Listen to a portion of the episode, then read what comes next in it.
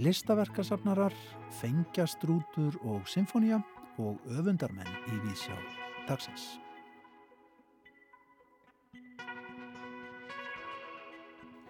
Í viðsjá í dag verður rætt við Skúla Gunnlaugsson, listaverkasafnara um safnhans og söfnunar ástriðu. En hluti verka í hans eigu eru nú til sínis á síningunni Tíðaranda í listasafni Árnesinga í hveragerði. Guðmundur Steinn Gunnarsson, tónskáld, kemur líka í heimsókn. Hann segir okkur frá nýri útgáfu á verkinu Sinfonia, þar sem tónlistarhópurinn Fengjastrútur leikur samnend verk Guðmundar. Hann gefur verkið út í tíu tölusettum eintökum á vínil en líka á gessletiski. Og Ármann Jakobsson heldur áfram að segja hlustendum frá þemum í Brennunjálsögu en sagan er nú kvöldsaga Rásar 1. Þemað sem Ármann skoðar í dag er öfundar menn. En við byrjum fyrir austan fjall til þess að ræða listaverkasöfnum.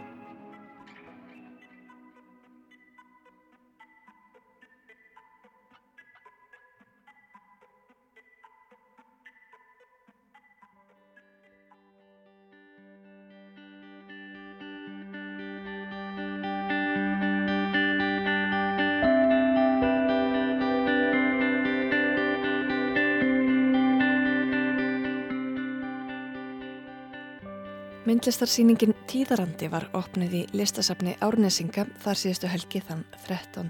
júni. Þar eru til sínis verkur safni Skúla Gunnlaugssonar, hjartalæknis og listaverkasafnara. Sýningastjórin er Vigdís Rún Jónsdóttir.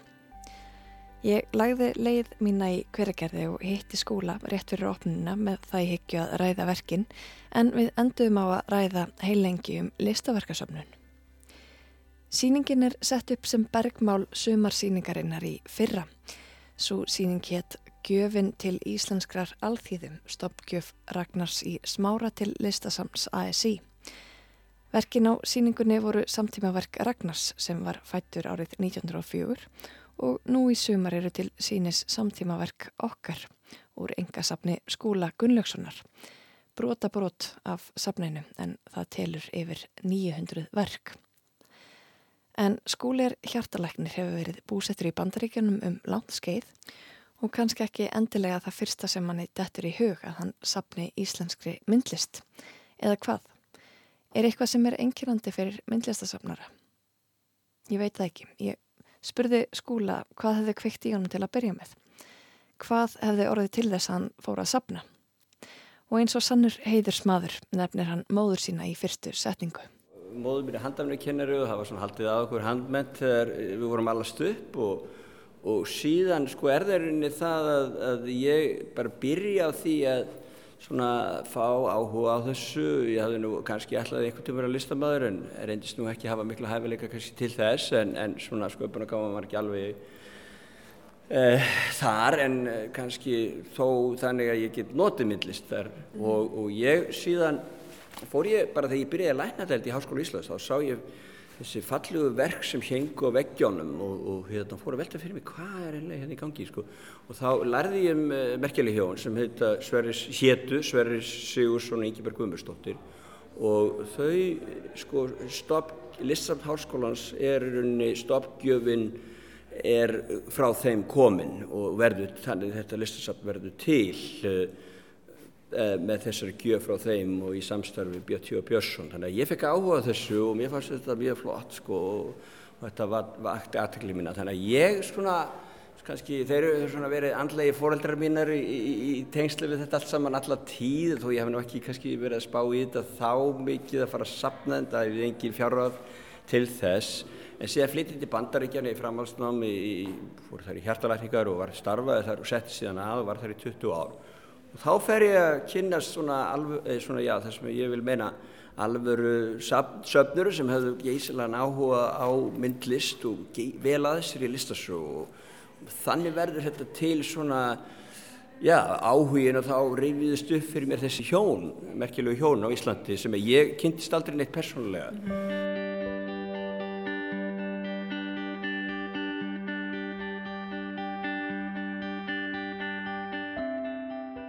Sko, ég náttúrulega fekk mikið áhuga á listasú og fer að lesa hana og auðvitað byrja mér eitthvað staður og kannski það sem var kannski fyrst hjá mig var það ég var hrifin af móternistónum sko, Svavari Guðnarsinni, Guðmundur Andrisdóttur, Þorvaldi Skúlasinni þetta eru listamenn sem verða til upp úr setnastrí, eða eh, sko listamenn sem að, listastöfnur sem að verða til hér á landi má segja svona upp úr setnastríði og þó hún kom auðvitað frá Evrópu og, og ég, að því þessi verk voru mjög áberandi eftir þessa listamenn í safni eh, Sverris og Engibergar.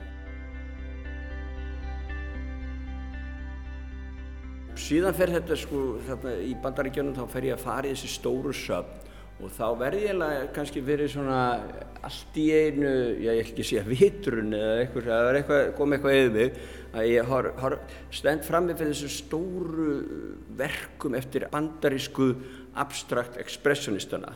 Og ég er að tala um Pollock, ég er að tala um Rothko, ég er að tala um de Kooning og Gottlieb og Klein og alla þessa þó þeir kannski sumir er ekki bandaríkir en þau komuð þangað. Og þetta er fyrsta sem að bandaríkjumenn slá í gegn með uh, í, í list, svona alþjóðlega list, þetta er fyrsta lista, bandaríska listastefna sem slæri í gegn.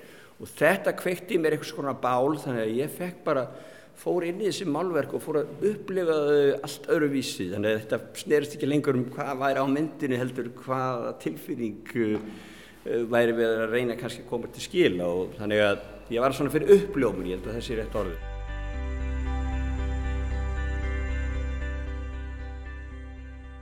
Síðan sko fer ég að fikra mig aftar í gamlu meistarana og fekk áhuga þessu og fór að sapna þeim og, og þegar ég var búið með þetta svona að gæmsalappa þá fer ég að fá miklu meir áhuga á samtímalist og nútímalist og, og, og það er þetta græsrótin og það er það sem skemmtilegst, það er það sem er að gerast og þannig að ég hef svona ekkert endilega einblínt á það en samt það er náttúrulega í tegnslu við þessa síningu þá er ég kannski, kannski svolítið lagt áherslu á það en ég er alltaf, en það, það sem með mitt listasafni kannski öðru, öðruvís en margu önnur á Íslandi og flest önnur að það eru öll helstu tímabill íslenskar myndlistar uh, undir þannig að það eru gamla meistaröndi, það er móturistöndi, það er nýja málverkið, það er samtímalistin, síðan koma vídeo, ljósmyndir og... Skúli, þú hljómar þessu svona dellukall með förðulegt áhugamál. Já, þetta er ekki. Jó, ég er náttúrulega hjartalegni sko og það er svolítið að vísa hana róa, það er svona konkrétt fag sko og maður bara og ég var hérna vann sko í bandaríkjunum í já, svona 12-15 tíma á dag og það var mjög skemmtilegt. Og, og, og mér leiði alltaf vel og, og sé ekki eftir þeim tíma. En, en sko síðan þetta er svona konkrétt en síðan kemst maður í svona abstrakt gýrin eftir þetta sko á kvöldin heima. Og þetta er svona bara Já, mín leið til að komast af í þessu lífi er að, að tefla þessu saman að því ég er að upplæði svona konkrétt maður en síðan sko maður þarf, maður, lifir ekki að brauðinu einu saman sko.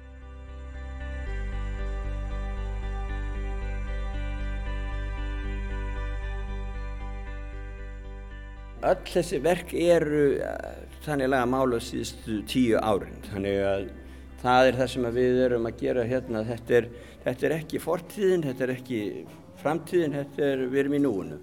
En ertu alltaf, ertu alltaf með hugan við listsöfnun þá? Ertu alltaf að hugsa um hvað er að gerast, fylgast með, mæta síningar? Er þetta svona bara, já, e, hversu já, stór hluti á þínu lífi er söfnun? Þetta er ekki, þetta þetta ekki árátta, þetta er ástriða og, og þetta er svona bætir, bætir lífmann, sko, þannig að þetta er ekki neinn fyrirhöfn og og ég, ég er alltaf að fylgjast með og menna, þetta er mitt áhuga mál og menna, ég lífi og hærist í þessum heimi. En að hverju, að hverju leitar, hvað kveikir í þér þegar, þú ferð og, og skoðar nýja myndlist? Já, það er, það er bara það sem, hvað andi kemur yfir mig hverju sinni, það er eitthvað nýtt, eitthvað sem ég hef ekki séður og, og ég vil að, ég dáist alltaf að listamennu sem að, uh, eru tilbúin til að fara ótrúlega slóðir þó þau leggja út af einhverju leggja út af einhverjum öðrum og, og þetta eru allir listamenn held ég verði eiga í áhrifavalda og það er ekkert að því. Það er hugmyndin, það er konseptið sem skiptur öllu máli og, og innlægnin í myndlistinni. Ég er ekki eldast við tísku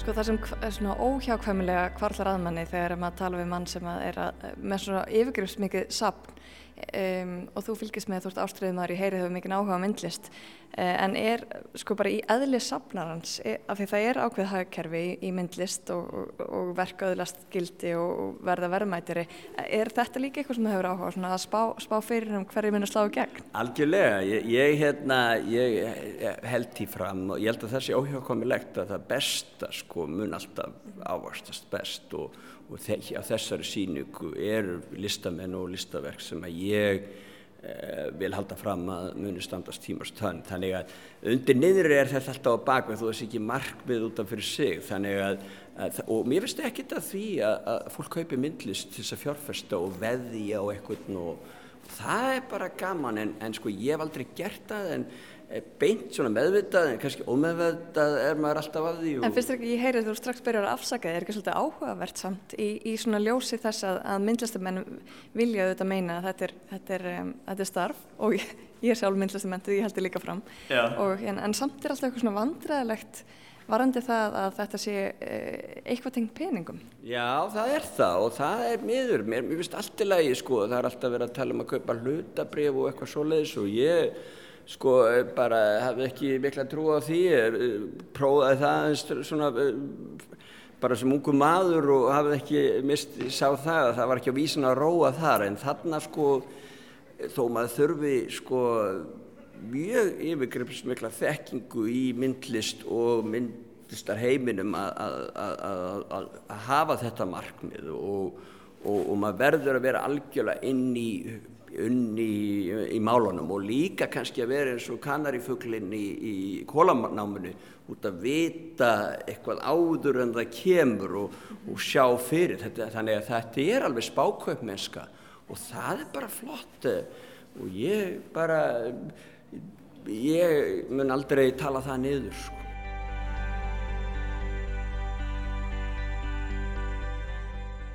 Þetta eru allt fullskapaði listamenn, hér eru ekki efnilegir. Eru, þetta eru allt listamenn sem hafa, já, sumuleiti að mínum að þetta sanna sig og, og, og sumir miklu þekktar en aðrir og, og mér finnst alltaf mjög gaman það sem mér finnst gott og að koma því á framfari. Það eru sumir góði listamenn sem liggja óbættir hjá gardi og ég vil koma þeim eh, í sviðsljósið og, og það er kannski, þessi síning er svona bæði þekktnafn og bara kannski listamenn sem fáir af að hirtum og, og, en myndheimur er auðvitað mismunandi uh, hjá þessu listamönnum.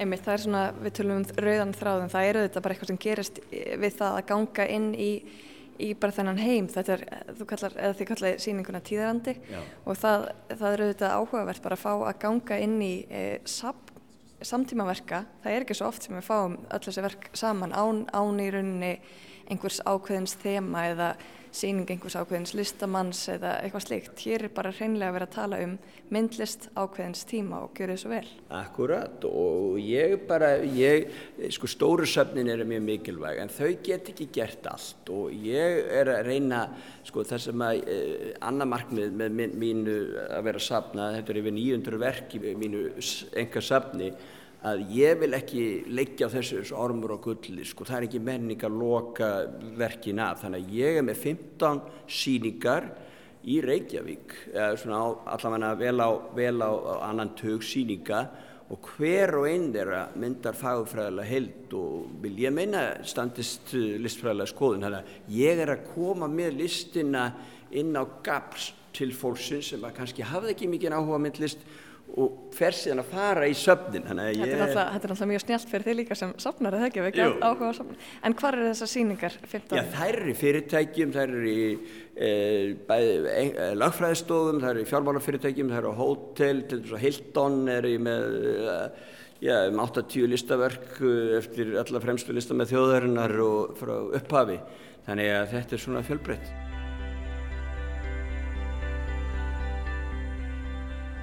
Verkin eru á síningum og síðan eru þau heimi hjá mér og síðan er þið í geimslu en, bróð, en alltaf meiri og meiri hluti þeirra er að fara á síninga það er orðið auðvöldara fyrir mig núna að setja upp síningar þetta, og ég hef, eh, af því þetta fólk vissi nú alveg hvort það væri að koma hérna einhver snarbrjálað maður að setja upp síningar með einhver verkum sem engi skildi.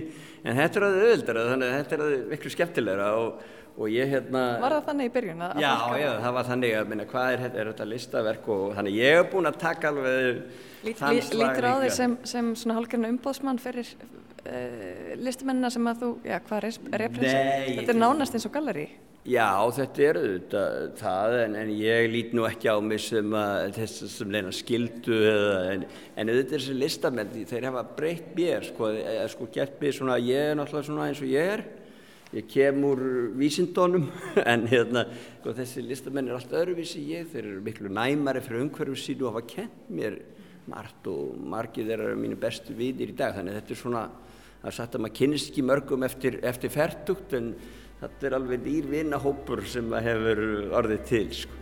Gaman að heyra þið lýsa sambandinniðinu við myndlistamenn. Takk fyrir spjalliskóli Takk fyrir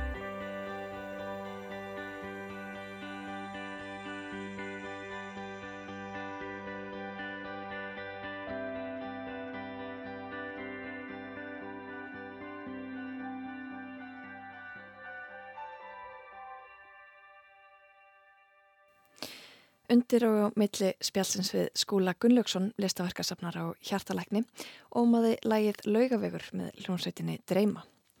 Á morgun ætlum við svo að fylgja þessu spjallaðins eftir og velta fyrir okkur hvernig réttur listamannskakvart verkið sínu lítur út eftir sölu þess.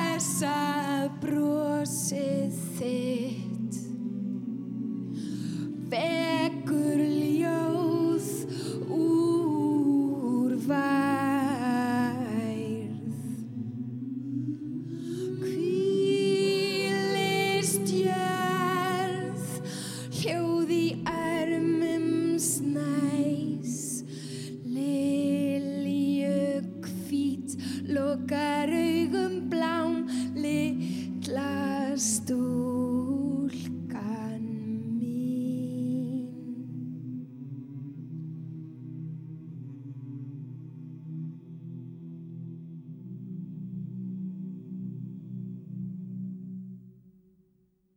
Þetta var auðvitað Björg Guðmundsdóttir að syngja Vökuró lag Jórunar Viðar. Það má nefna það að þetta lag er eitt af þeim sem að skólakantórum söngkópurinn ætlar að syngja í kvöld en Jónsmessu tónleikar þeirra hefjast í kvöld klukkan 21 í Hallgrímskirkju. Þar verður sungin íslensk tónlist og erlendur ímsum áttum um að gera benda fólki á þá tónleika enda einhver fremsti kórlandsins þar á ferð. Hér undir er farin að hljóma allt, allt annars konar tónlist. Hún er eftir Guðmund Stein Gunnarsson af nýri plötu sem hann kallar Sinfonia. Guðmund Stein kom í heimsók til okkar.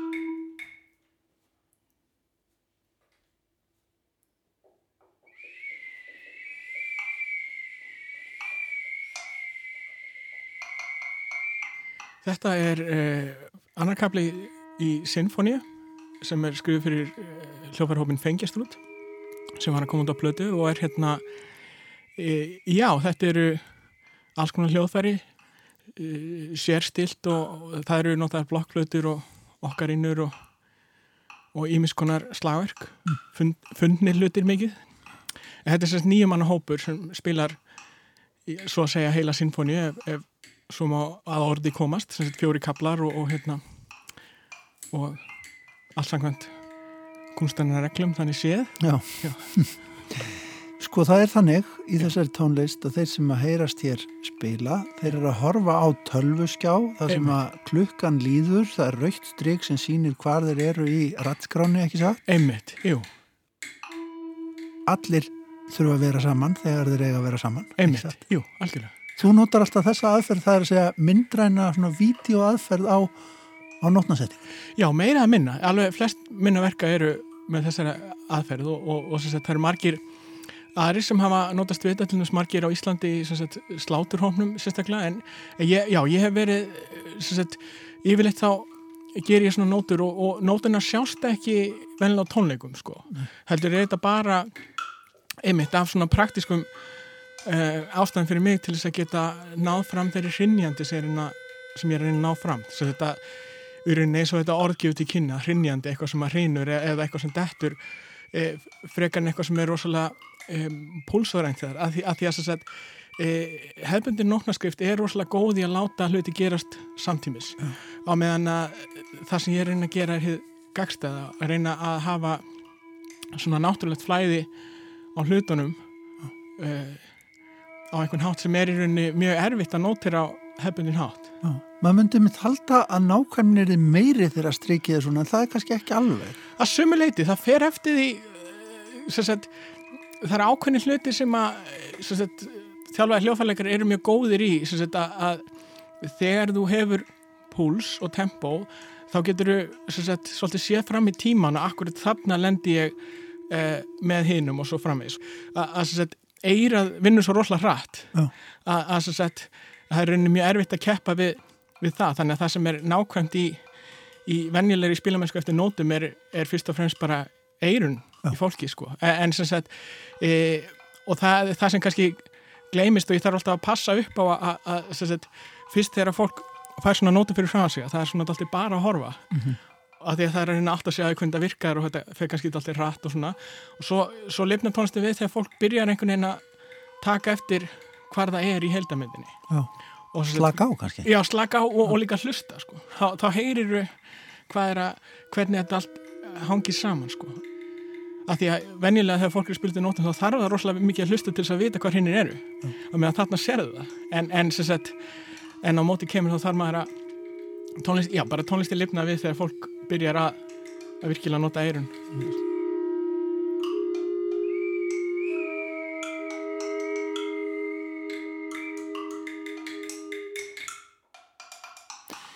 ég var að skoða, þú hefur aðeins verið að blogga í kringum þessa plötu og ég var að skoða aðeins bloggið og þá Já. sá maður sko hérna svona skjámyndir af þessari nótnasetningu. Já, og maður sér að í rauninni kannski hvernig þú nótir að hlutina þó þetta sé ekki venjulega nótur já. er þetta kannski aldrei hefbundið að sumu leiti, já, Já. já, að því leiti að ég er að nota fyrir þau hljófæri sem þar á við það er geligill og, og hérna fimm línur og, og, og svo framvegist þannig að, jú, að mörguleiti er þetta frekar hefbundið að því að ég er ekki, að því eins og ég segi það er ekki sem sér nótunum nema flytjundunum öllu jöfnu, nema þegar ég ég líka búið til YouTube-rásar sem er hægt að sjá einhver myndbönd og svona dæmi en, en að öllu jöfnu þá er þetta ekki hugsa sem sko einhvert vídeoverk þannig heldur, al- heldur bara sem nótur og þá er hitt bara svona byproduct, af því að, að, því að munurinn frá einu verki til annars í tengslu við nótnamyndina hjá mér er frekar lítill. Þetta er aðferð en enga síður er alltaf einhver symbiósis tónmáli þróast með aðferðinni. Þess að maður finnur hvað virkar og hvað, hvernig er best að miðlaði og svo leis, þannig að það hefur alltaf einhver áhrif í báðar áttir Já, þetta er lifandi af því að það er jú lifandi fólk sem spilar Já, fyrst og fremst, já, já, já.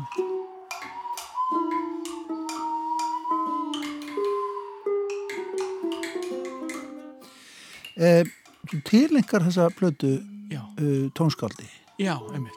hvaða áhrif eru það? Hver er, hver er viðkomandi? Já, Anna Maria Avram er sem sagt í, svona hluti af hérna, rúmenska spektralismanum. Hún kom hérna til landsins á Tektonics hátíðina 2014 held ég hafi verið. Og hérna Ílan Volkov sem þá var aðstjóðandi symfóníun og sámynda festival sendi út svona hóppóst til þess að spurja hvort einhver tristi sér til þess að fara með hann og manninunar í hérna í einhverja ferðum landið. Og ég var mjög spenntur fyrir að hitta þetta fólk en það mikill aðdáðandi þannig ég hérna fekk lánaðan bíl hjá móðum minni af því ég menn ekki á bíl. Og, hérna, og, og fór með þeir gull hring og, og við rættum heim og geima og, svo sett, og svo sagði, heyrðu, þú er að koma til Rúmeníu? Já. og ég sagði, já, ok, kannski get ég fundið leið til þess að gera það næsta ári. Og þá sagði þeir bæði, nei, á þessu ári. Því ég veit enginn hversu lengi hann lifir. Já.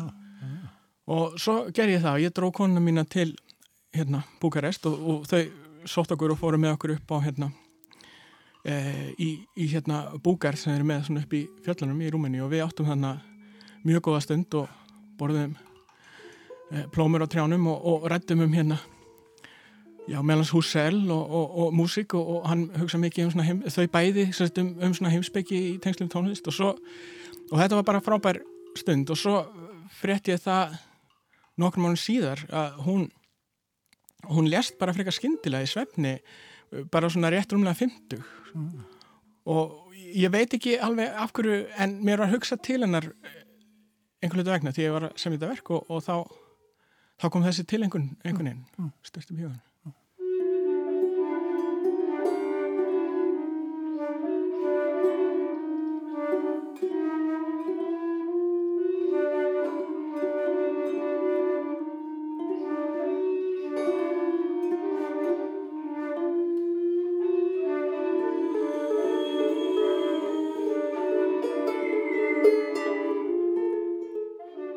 Segðu mér aðeins frá þessum samverka hópiðinum eða það er að segja þessum tónlistarhópi Fengjastrút Já, skemmtilegt nafn. Svo gaman að segja það eiginlega. Fengjastrútur. Eh, Þetta er hópur sem hefur lengi haldið saman já er það ekki? og, og hérna, er tilbúin í svona hluti. Nefnilega, og, og þetta hefur verið starfandi alveg frá því 2007 með náttúrulega mismikið aktivitet en, en, en sem sagt hefur komið víða við sagt, í tónleikarum bæði tengslum við sláturhópin í tengslum við uh, tónleikaræðir eins og þegar það var jaðaber hérna í listasafni Reykjavíkur og, og hljóðun í Hafnafyrði og svo hefur hann komið fram mikið á já, tektóningsháttíni þegar hún var og verið með tónleika í Mengi. Það voru tónleika sem héttu Fengi í Mengi.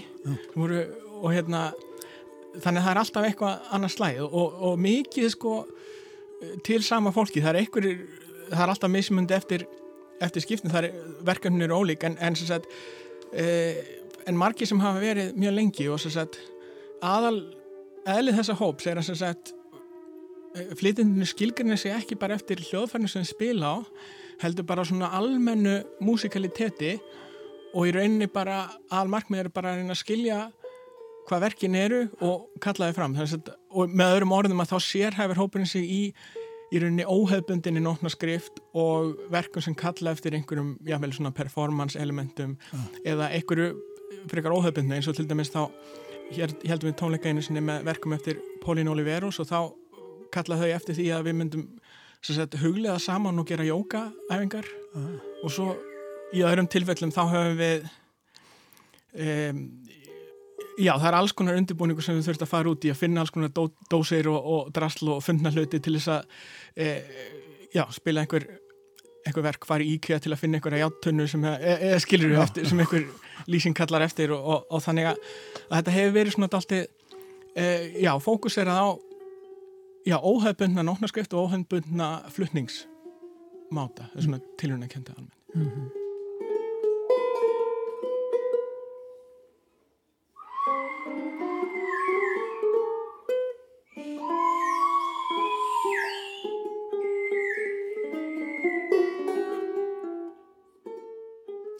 Sko, þú ert að gefa út núna í föstu formi líka, þetta Já. er ekki bara á netinu, nei, heldur nei. er þetta líka í geisladisk, mér skilist að vera 15 vínil eindögg. 10 vínil eindögg. 10 vínil eindögg. Og 8 eru farin.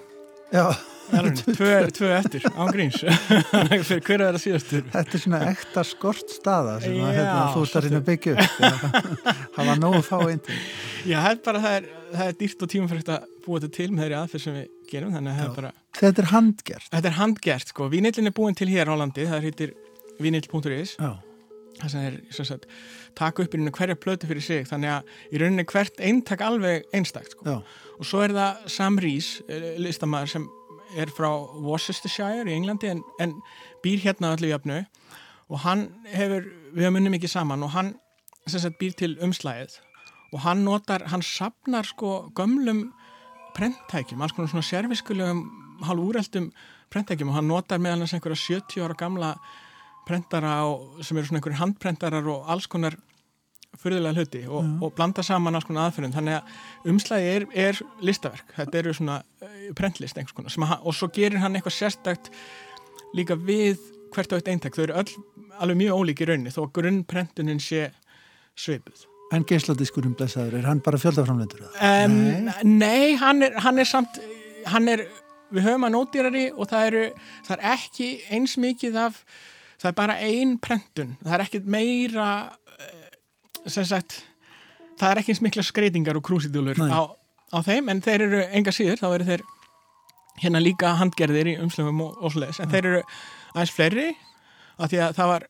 auðvitað fyrir okkur að gera fleiri af þeim og, og við segjum þá þessuna ódýrar líka þannig að það sé líka þetta nákvæmst á gísladisk fyrir þá sem eiga en þá sliðis En fyrir tónskáld var nöðslegt að búið til symfóníu?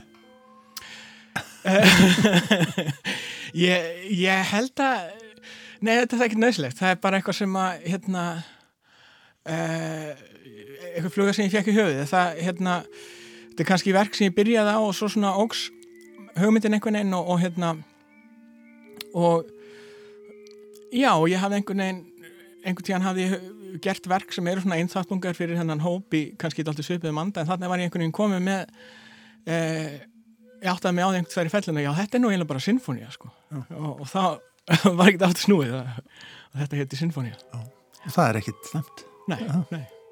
Takk kærlega fyrir komuna umdu stein og til hafmyggju með blöðuna. Takk að þér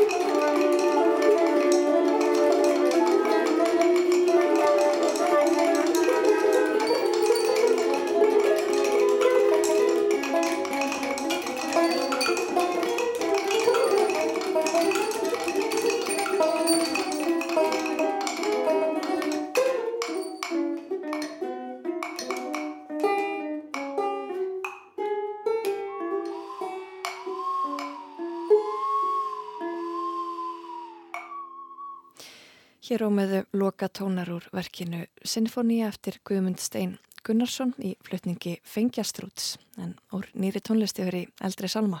Já, heldur betur. Ármann Jakobsson, hann er búin að vera undanfæring kvöld hér á ráseitt að lesa Brennunjáls sögum. Það er gott að hlusta á þetta á síðkvöldum, já, eða þegar að fólki hendar hægt að nálgast þetta í gegnum hlaðvarpsveitur og eins spilar nokkar góða hér hjá Ríkisútarpnu ég mæli með þessu, þetta er, þetta er gott stöf, eins og krakkarnir, krakkarnir segja. Þetta er gott stöf, þetta er róandi stöf. Já, eh, en Ármann, hann er líka að segja okkur hérna, hlustendum og í Víðsjá, frá svona þemum í sögunni og það er Eirikur Gummarsson sem hann tók hann tali daginn þegar Ármann var á fullu að lesa bókina hér uppi í hljóðveri. Eh, í dag ætlar Ármann að segja okkur dálitið frá öfundarmönnum. Það er dálitið mikil öfund í njálum.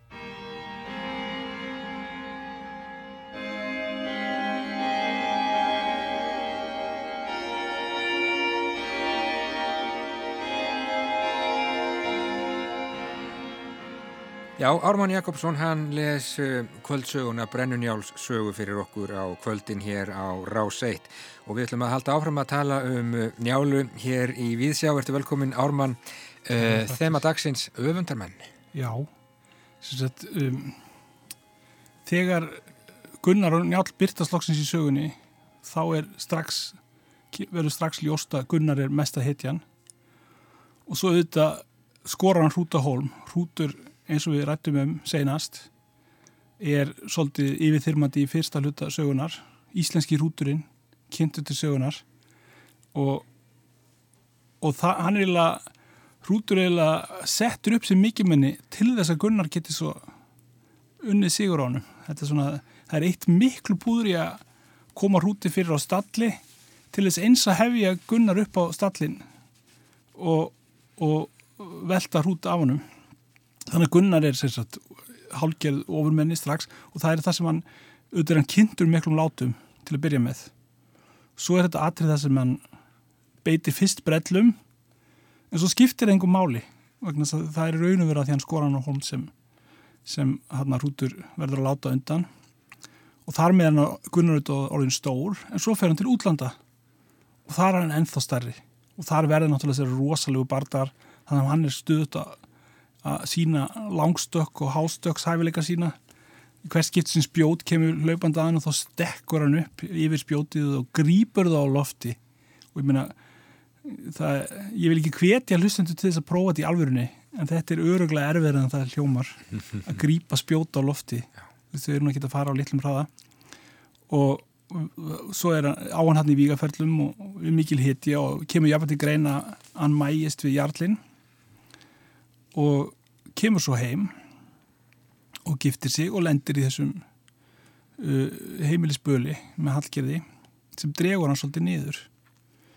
En það, þeir sættast á það lokum Njál og Gunnar og þá tekum við þetta skrítna tíumbil sem er bara að það er uh, hver hópurinn af öfundamunum á fætur öðrum. Njál segir margir munu þig öfunda, er það ekki? Já, og, og Gunnar er bara svo glæstur þetta kemur mjög skýrt fram þegar starkaðar sínir að ræða um Gunnar og sýstirinn segir að Gunnar sé bestur og, og það, þeir segja að þið konur þið elski Gunnar og það voru þetta engin vegspjöld til á þessum tíma en Gunnar hefði verið á þeim öllum. Allar yngismegar á Íslandi hefði haft Gunnar á vegspjaldi heima og þetta veldur auðvitað mikil öfund hjá öllum öðrum kallmennum þeim finnst Gunnar einhvern veginn skikja á sig og Gunnar segir sjálf vera sein þreyttur til vandraða og fyrst leiðir þetta vega menn en það nú reyndar ekkit í sögunni sem bendir þess að það sé satt.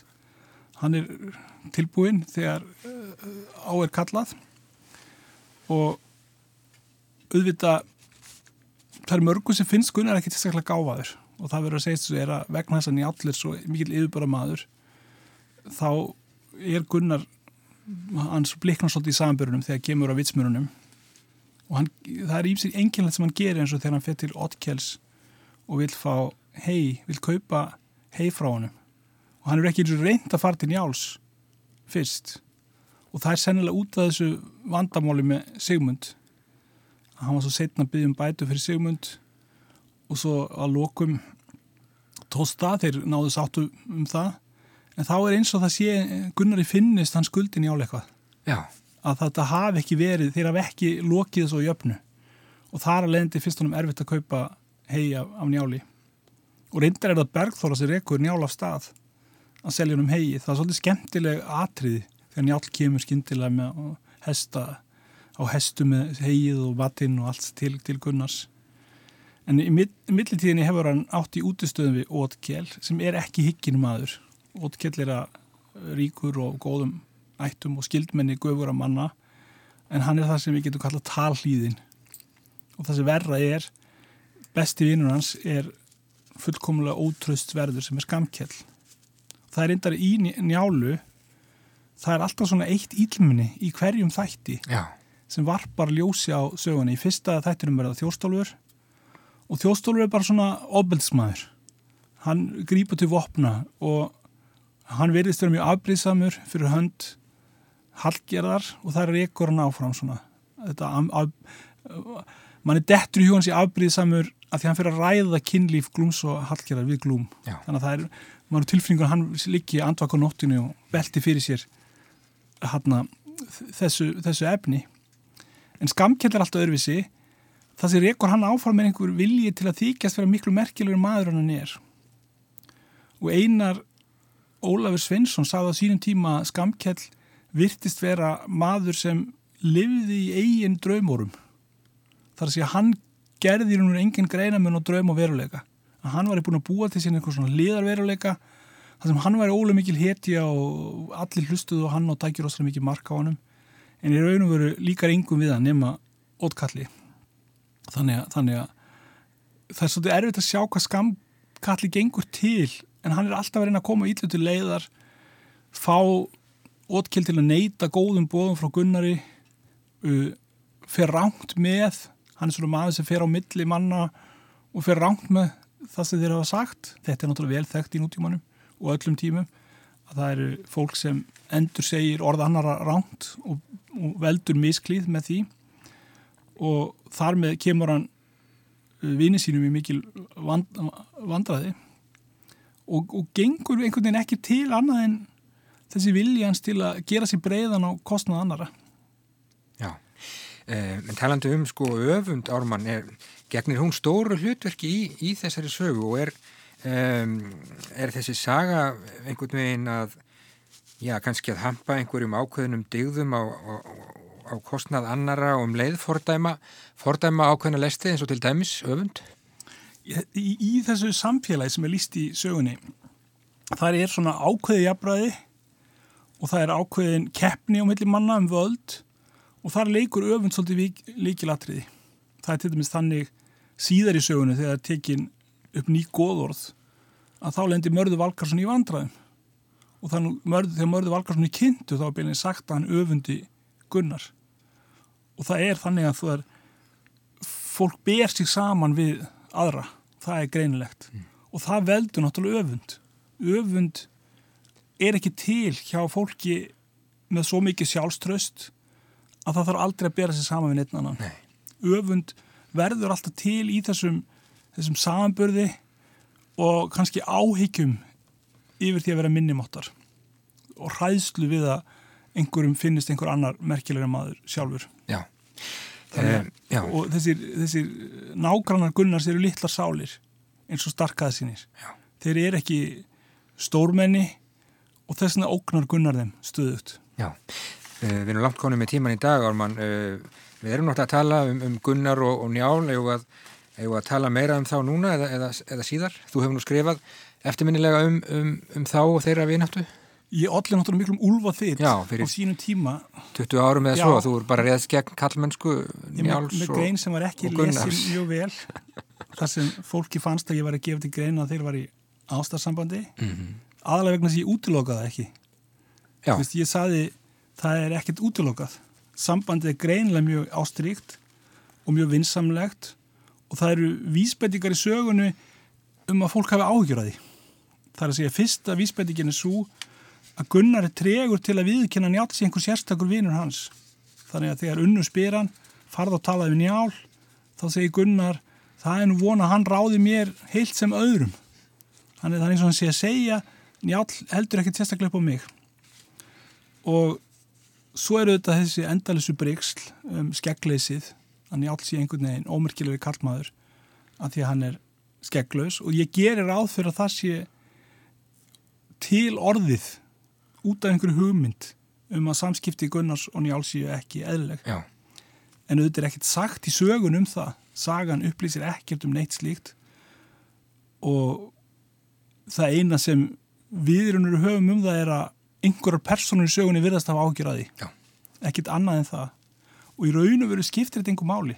Þú veist, nákvæmlega hvers konar þú veist, þó að það sé erfitt fyrir fólk að trúa því, þá skiptir einhver máli hver séfur hjá hverjum.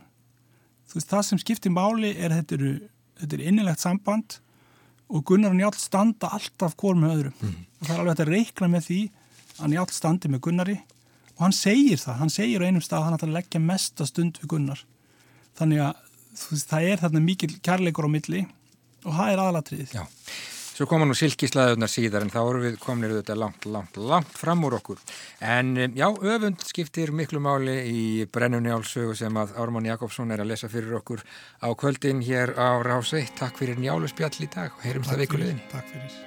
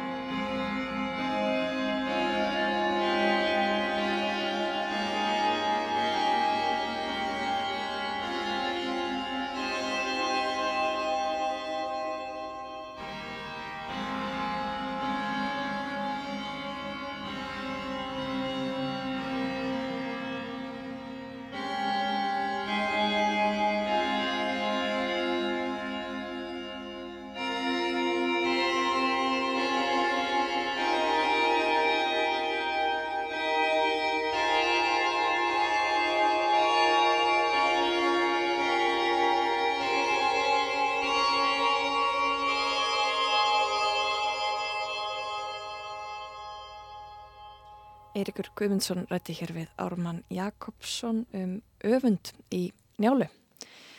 Gunni Tómasson, það er Jónsmessa, eða Jónsmessu nótt í nótt. Ætlar að gera eitthvað í því tilumni? Mm, ég er nú ekki vanur að velta með nakin upp úr döginni. Þú sætlar ekki ofnbæra það hér í jónsbúinu. Nei, en maður kannski, einhvern tíman allt fyrst, sko. Já, akkurat. Alltaf þessi aldrei. Já, og ef maður, maður fennar dettur í stuð þá kannski, þá kannski geti svo orðið í kvöld. Eh, en það er ýmislegt svona, við vorum að tala um aðan að það er skólakantórum allar að vera með Jónsmessu nætur tónleika í kvöld í Hallgrímskirkju. Svo er þetta að fara í göngu, ekki satt? Jú, akkurat, það er Jónsmessu nætur ganga í árbæðirsafni og þetta er árlegur viðbyrður og í ár verður gengið frá árbæðirsafni og neyri Elleðardal, staldra við á völdum stöðum, sagasögur og fjallaðum íslenska þjóðtrú og hinnar öflugu júrtir sem vaksa á svæðinu og það er Björg Bjarnadóttir umhverfis og þjóðfræðingur sem leiðir gönguna. Já, og júrtir sem að næri á Jónsmessun ótt að ljáta náttúrulega vera tíu sinum öflugri heldur en þar eru svona vennilega. Alveg bókað og þannig að ef þú ætlar að fara að velta þér upp á dökkinni í kvöld í fyrsta sinn þá skaldu ekki gera því allir á talum. Nei, en ég kannski næli mér í einu einu á júrt. Það er betri hugmynd. En við sjá verður ekki lengri í dag. Já, við segjum þetta gott í dag. Við erum hér aftur á morgun klukkan 16.05 ágætu hlustundur bendum líka á menningarvef ríkisútarsins rúfmenning.is þar sem að dagskakerðamenn og Nettstjórar eru döglegir að setja ímiskonar menningarefni fram fyrir ykkur til þess að skoða og njóta. Takk fyrir að hlusta. Verðið sæl.